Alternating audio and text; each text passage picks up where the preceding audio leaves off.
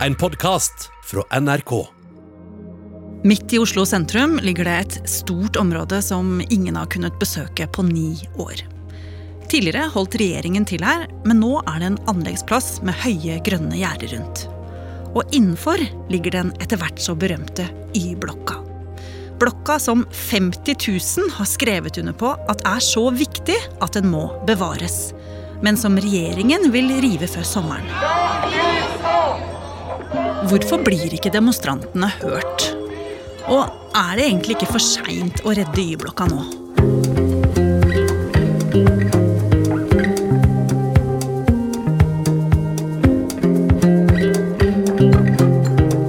Du hører på Oppdatert. Jeg heter Ragna Nordenborg. Agnes Moxnes er kulturkommentator i NRK og har fulgt debatten om Y-blokka tett. Agnes, hva går dette i? Y-blokka er jo virkelig blitt en sånn kampsak. Eh, På den ene siden så står politikerne og sikkerhetsmyndighetene. Dette toget har nå forlatt perrongen. Vi er i 13. time. Nå er tiden kommet for å ta tilbake regjeringskvartalet, sette strek og sette i gang med å bygge. Og på den andre siden så står nesten det som kan krype og gå av fagfolk innenfor kunst- og arkitekturfeltet. Vil du bli husket som politikeren som tok slegga og slo i stykker denne fantastiske vindeltrappen? Dette bygget er så viktig. Det er et av de seks viktigste kulturminnene i Norge. Det er jo nesten ingen som er for dette prosjektet, bortsett fra regjeringa eh, og statsbyråkratiet i hovedstaden. Y-blokka ligger bare noen hundre meter unna Karl Johan, midt i Oslo. Den er fem etasjer høy og har lange armer som former en Y sett fra lufta. Derav navnet. Og nå er altså planen å rive den for å bygge et nytt regjeringskvartal med en park foran. Og det blir dyrt. Statsbygg har brukt 8 milliarder kroner på regjeringskvartalet før de altså i det hele tatt har starta å, å bygge det nye. Til sammenligning er det nesten dobbelt så mye som operaen i Bjørvika kosta.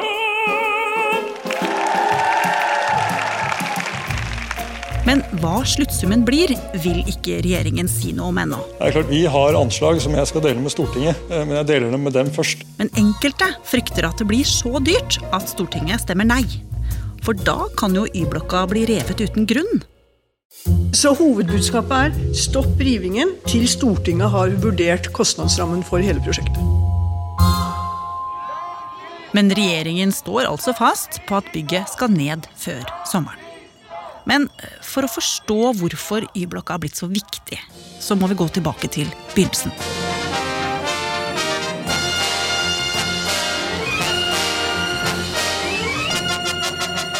Da må vi tilbake til eh, statsminister Einar Gerhardsen, som skulle gjenoppbygge og utvikle Norge etter krigen. Kjære lyttere. Norge er et vakkert og fint land, men det kan også være stritt og hardt og omskiftelig. Han håndplukket, må man vel nesten si, eh, den kjente arkitekten Erling Viksjø. En modernistisk arkitekt som med forbilde fra FN-bygningen i eh, New York, og etter hvert også Unesco-bygningen i, i Paris, tegnet først Høyblokka og deretter Y-blokka. Og hvordan vil du beskrive de tegningene?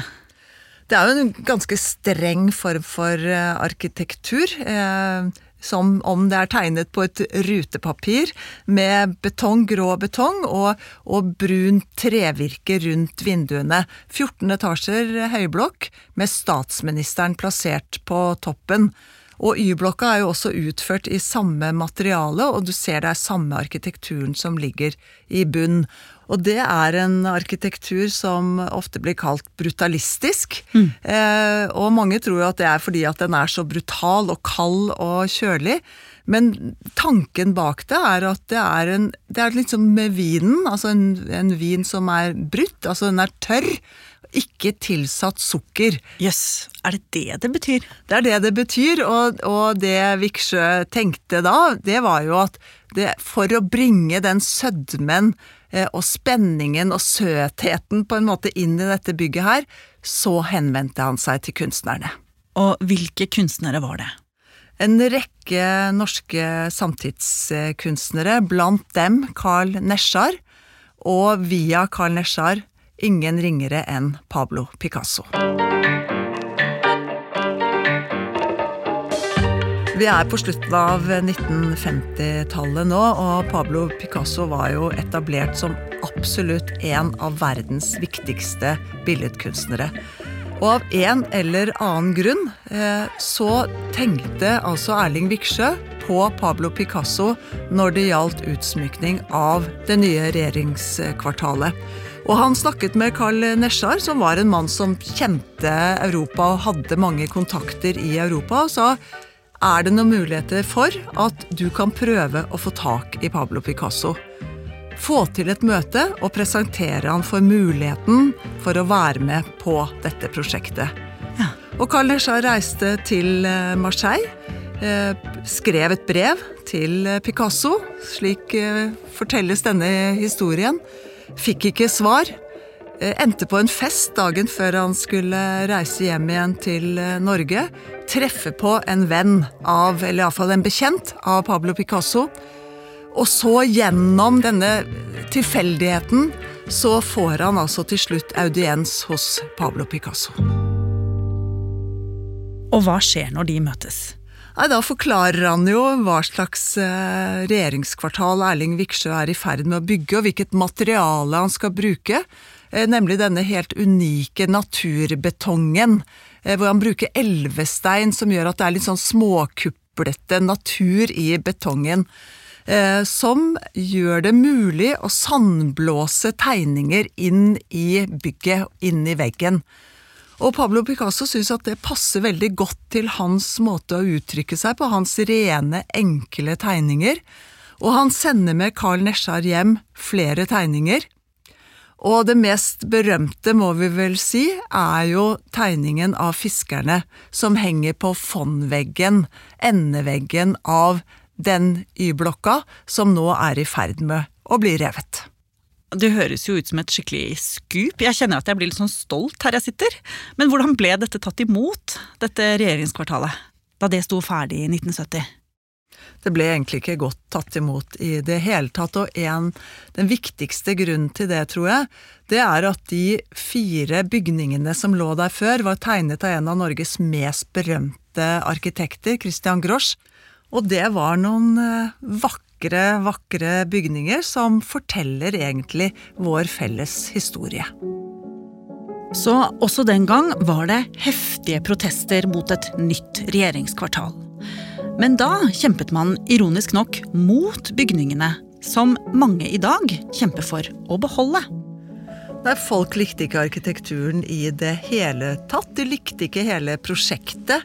Eh, de likte ikke hvordan det lå i bybildet. De likte ikke hvordan det så ut. De likte ikke den brutale arkitekturen. Mm.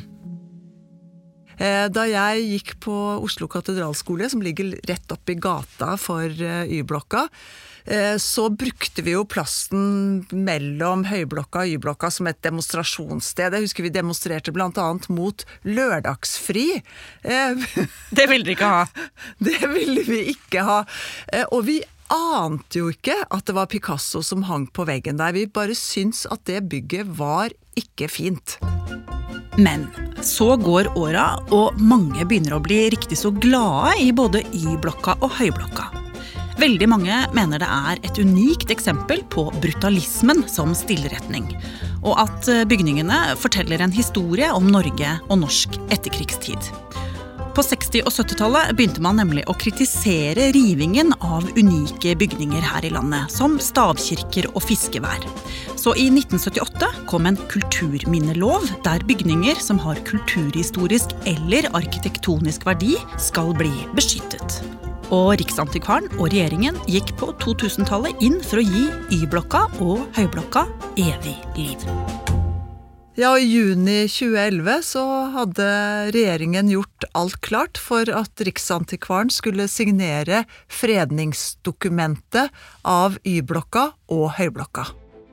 Men Riksantikvaren rekker aldri å undertegne det dokumentet. Hvis de som jobba i Y-blokka denne dagen hadde sett ut av vinduene, ville de kanskje ha oppdaga en hvit varebil kjøre ned Grubbegata og parkere utenfor Høyblokka.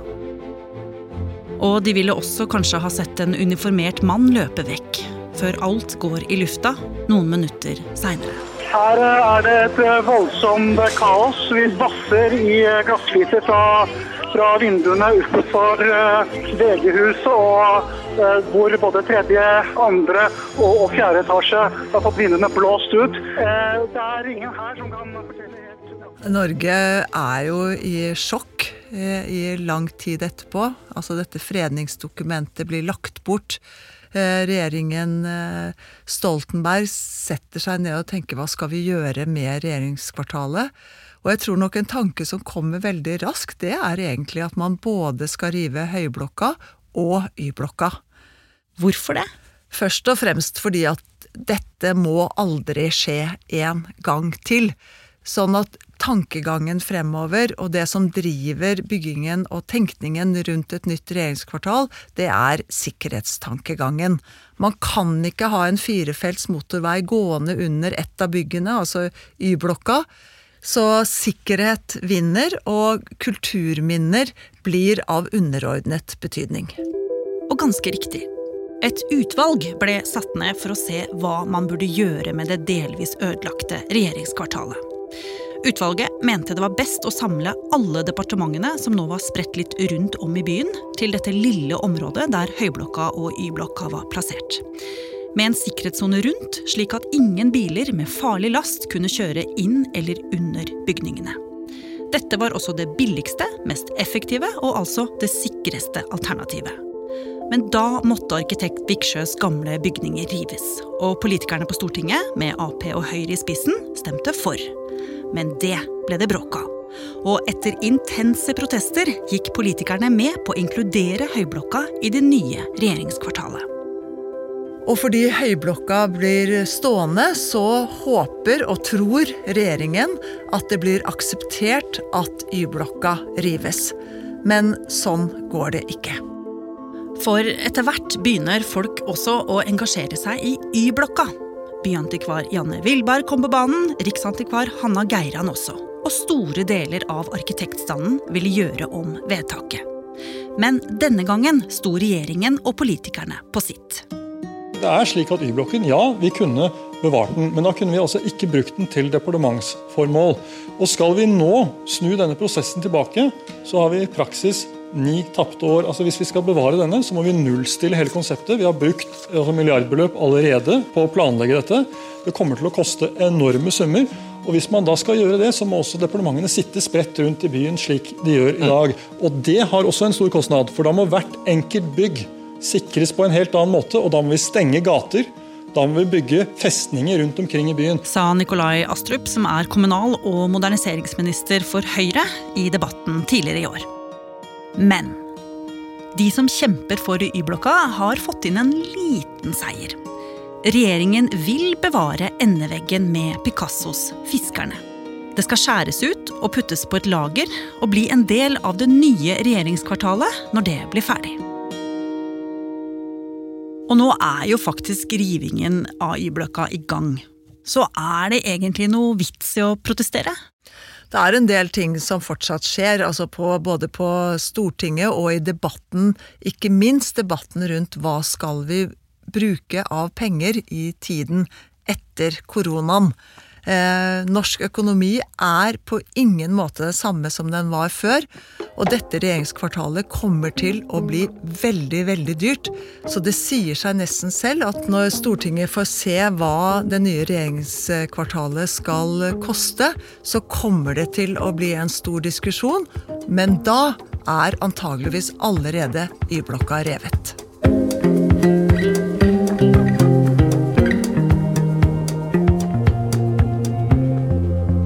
Oppdatert er en podkast fra NRK Nyheter. Og hvis du ikke vil gå glipp av neste episode, så kan du abonnere i appen NRK Radio. Bare søk på Oppdatert, så finner du oss. Denne episoden var laget av Ida Tune Øritsland, Petter Sommer og meg, Ragna Nordenborg.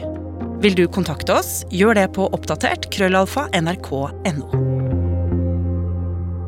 Du har hørt en podkast fra NRK. Hør flere podkaster og din favorittkanal i appen NRK Radio.